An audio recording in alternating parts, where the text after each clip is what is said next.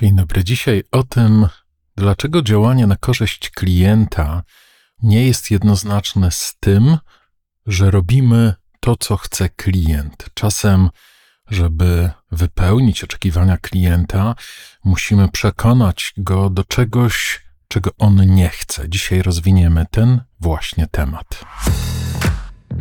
Dzień dobry, witam Cię na kanale Człowiek w Biznesie. Człowiek w Biznesie to podcast o tym, jak mądrze sprzedawać, czyli jak sprzedawać dużo, jak sprzedawać drogo, ale przede wszystkim jak stale budować rosnącą grupę ambasadorów Twojej marki. To jest też podcast o tym, jak mądrze zarządzać, czyli co robić, żeby ludzie, żeby zespoły realizowały z zaangażowaniem cele. Ale przede wszystkim jest to podcast o tym, jak zadbać o siebie, czyli jak nie być niewolnikiem własnego sukcesu, a raczej być jego mądrym beneficjentem. Ja nazywam się Tomasz Kalko, jestem psychologiem biznesu, ale przede wszystkim ciągle aktywnym menadżerem. Zapraszam Cię na następny podcast z serii Człowiek w biznesie.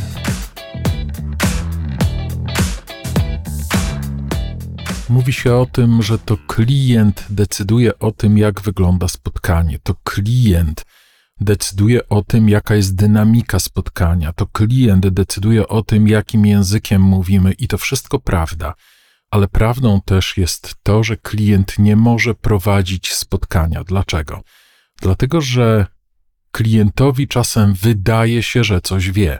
Czyli na przykład klient był u innego handlowca i ten handlowiec nałożył klientowi takie okulary, i na tych okularach jest perspektywa poprzedniego handlowca. Na tych okularach jest produkt, usługa, widzenie świata tego handlowca, czyli ktoś narzucił dla tego klienta jakiś rodzaj myślenia. I teraz klientowi się wydaje, że wie, więc klient będzie prowadził spotkanie już w jednym prostym kierunku. Czy to pasuje do tego, co już wiem? Czy ty, sprzedawco, czy ty, producencie, czy ty, usługodawco, jesteś w stanie dać mi to taniej niż to, co daje mi ten poprzednik? Ale może to, co daje ten poprzednik, nie jest dostosowane do potrzeby tego klienta.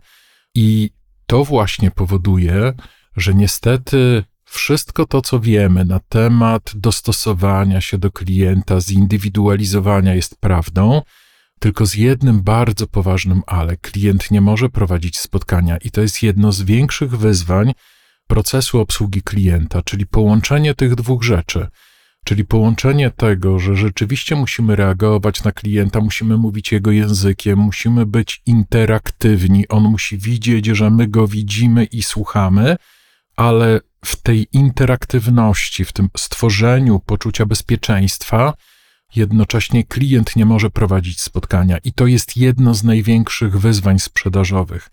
To jest to zrozumienie, że spotkanie musimy prowadzić my. Czyli mówiąc najprościej, nie możemy klientowi tylko i wyłącznie odpowiadać na jego pytania, nie możemy być tylko interaktywni. Prawda jest taka, że spotkanie prowadzi ten, kto zadaje pytania. Spotkanie prowadzi ten, kto w pewnym sensie udziela odpowiedzi. Czyli mówiąc troszkę inaczej, naszym celem jest, no właśnie, pokazanie naszej perspektywy, czyli w pewnym sensie nałożenie klientowi naszych okularów i czasem jest, będzie to też związane ze zdjęciem starych okularów, czyli z powiedzeniem klientowi to, co wiesz, jest ważne, ale jest coś jeszcze, co jest istotne. To jest jedna z trudniejszych rzeczy w procesie sprzedażowym, a szczególnie jeżeli musimy klientowi w ogóle powiedzieć, mylisz się. O tym nagramy zupełnie jeden oddzielny podcast, ponieważ w technikach sprzedaży czasem jest taka technika, narzędzie zbijanie wątpliwości to jest bardzo delikatna materia, to jest bardzo delikatny proces.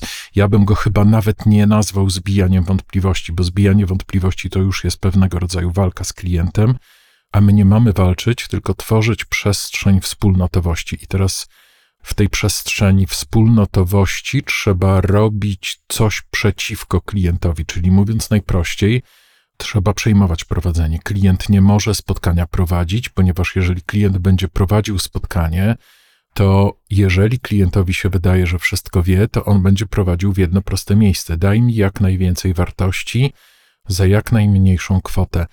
A na to nie możemy sobie pozwolić. My mamy zupełnie inny cel. My mamy taki cel, żeby klient wyszedł z tego procesu z bardzo silnymi emocjami, które ja dla siebie na swój użytek nazywam takim poczuciem, ojejku, jak super, że ja spotkałem tego człowieka, tą dziewczynę, jak dobrze, że ten człowiek był w stanie mi pomóc, był w stanie otworzyć mi oczy, był w stanie pokazać mi, co jest ważne, co nie jest ważne. Oczywiście czasem się zdarzy, że klient nie odwdzięczy się za to wsparcie, że klient nie odwdzięczy się za tą realną, prawdziwą pomoc, i to nie znaczy, że to narzędzie jest nieskuteczne. Pamiętam kiedyś taką rozmowę, jak w trakcie pewnej imprezy integracyjnej podchodzę do jednego z moich klientów, który siedzi ewidentnie wkurzony i pytam, Paweł, co się stało? On mówi, wiesz co, przed chwilą zadzwonił klient. Jestem autentycznie wściekły, ponieważ to jest klient, z którym rozmawiałem kilka dni temu i pomogłem mu przewartościować wszystko, co on wiedział na temat zakupu. Spędziłem z nim bardzo dużo czasu i wytłumaczyłem mu, co jest ważne, na co powinien zwrócić uwagę, co jest istotne, gdzie się myli, gdzie jest przestrzeń, która wymaga jakiejś uważności w tym procesie zakupowym, jakie dodatki trzeba kupić po to, żeby prawidłowo wyspecyfikować to zamówienie. E, w tym wypadku to był e, dość trudny zakup składający się z wielu elementów, z wielu składowych. I on mówi, przed chwilą ten klient do mnie zadzwonił i mówił, panie Pawle, no wszystko fajnie, tylko ja ten komponent znalazłem gdzieś na Allegro taniej, ten drugi komponent znalazłem gdzieś w jakimś sklepie przydrożnym taniej, ten trzeci komponent to gdzieś na jakiejś chińskiej stronie znalazłem taniej. On mówi, spędziłem z facetem cztery godziny i on mi dzisiaj dzwoni i mówi, że on przeszukał cały rynek po to, żeby każdy element wyspecyfikować taniej. No i jak tu doradzać klientom? I w tym czasie przesiadła się jego żona i słuchała całej tej rozmowy i mówi: Paweł, ale zobacz, jesteśmy najmłodszą firmą na rynku i w tej chwili już najsilniejszą. Mamy, mamy największą sprzedaż i naprawdę bardzo dobrze zarabiamy, mamy wysoką marżę. Zobacz, może się dzieje tak właśnie dlatego, że wspieramy tych swoich klientów. I to jest bardzo ważna informacja. Wspieranie klientów się opłaca. Czasem się trafi klient, który się nie będzie potrafił odwdzięczyć, ale to nie znaczy, że całe to podejście jest bez sensu. Jest jak najbardziej sensowne, tylko trzeba to robić to mądrze, czyli mówiąc najprościej, umieć zmonetyzować to wspieranie. Więc chciałbym, żebyś zapamiętał z tego podcastu to, że po to, żeby pomóc klientowi, nie można w 100% iść za klientem, nie można realizować jego pierwszych oczekiwań. Czyli mówiąc najprościej, na początku rozmowy klient zwerbalizuje jakieś oczekiwania. On powie, że chciałby rozmawiać o tym i o tym. Już pewnie wiesz z tych podcastów, że na pewno nie możesz pójść w rozmowę o cenie, ponieważ jest 60-70% szans, w niektórych branżach wręcz 95%, że klient zacznie rozmowę od ceny, czyli powie, ile ja dostanę rabatu, na jakich warunkach ja to kupię, ile to kosztuje, czyli się skoncentruje na cenie zakupu. I po to, żeby rzeczywiście temu klientowi pomóc, nie można za tym pójść, nie można zrealizować tego pierwszego oczekiwania. Czyli mówiąc najprościej, trzeba zrobić coś wbrew. I to jest oczywiste, jeżeli mówię o tym, że nie można pójść za klientem, jeżeli klient pyta o cenę. To dla ludzi sprzedaży, dla ludzi, którzy sprzedają swoje usługi lub produkty, jest to oczywiste, ale kiedy mówię, że nawet nie możesz pójść w 100% za klientem, kiedy klient pyta o rzeczy techniczne, to to już wywołuje pewien rodzaj dysonansu poznawczego. No to jeżeli nie możemy rozmawiać o cenie, to o czym mamy rozmawiać? No jeżeli klient pyta mnie o takie rzeczy doradcze, o jakieś rzeczy techniczne, to dobrze, to chyba o to chodzi. To jest trochę skomplikowane. Ta komplikacja wynika z tego, że my nie wiemy, skąd klient wie to, o co nas pyta, jakie założenia przyjął w tych pytaniach. Czyli może tak być, że klient zada ci mm, jakieś dwa lub trzy pytania w stylu: A jakie jest to, co ty oferujesz? A czym to się różni? A w czym to jest mocniejsze? Nie wiem, jaki produkt y, sprzedajesz, jaką usługę, więc próbuję być tutaj bardzo ogólny. Jeżeli my udzielimy takich rzetelnych, prostych odpowiedzi na takie trzy pytania, jest ryzyko, że klient powie: Aha, to ja już wszystko wiem, dziękuję. Ja, jako osoba, która chce sprzedać, ale sprzedać mądrze, czyli pomagając klientowi, w ogóle nie wiem, co się zadziało, z jakiego miejsca klient pytał, z jakiego poziomu swojej wiedzy. Może ta wiedza była bzdurna, może jakieś założenia, które klient przyjął, były nieprawdziwe. Więc takie proste odpowiedzenie, nawet na te pytania techniczne, również zawiera w sobie element ryzyka. Zobacz, jak wiele jest elementów, które powodują, że nie można w 100% pójść za klientem. Ja na jednym z podcastów podam Ci narzędzia, jak wyjść z tego ryzyka, jak przejąć prowadzenie, w związku z tym, że mam założenie, że te podcasty mają być jednak dość krótkie, kilkunastominutowe, to pozwolę sobie w tej chwili w to nie wchodzić.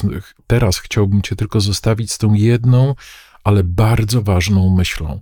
Ważny jest język klienta, ważne jest to, żeby klienta słuchać, ważne jest to, żeby klient miał poczucie, że ja słucham tego klienta, ale jednocześnie nie można w 100% robić tego, co próbuje narzucić klient.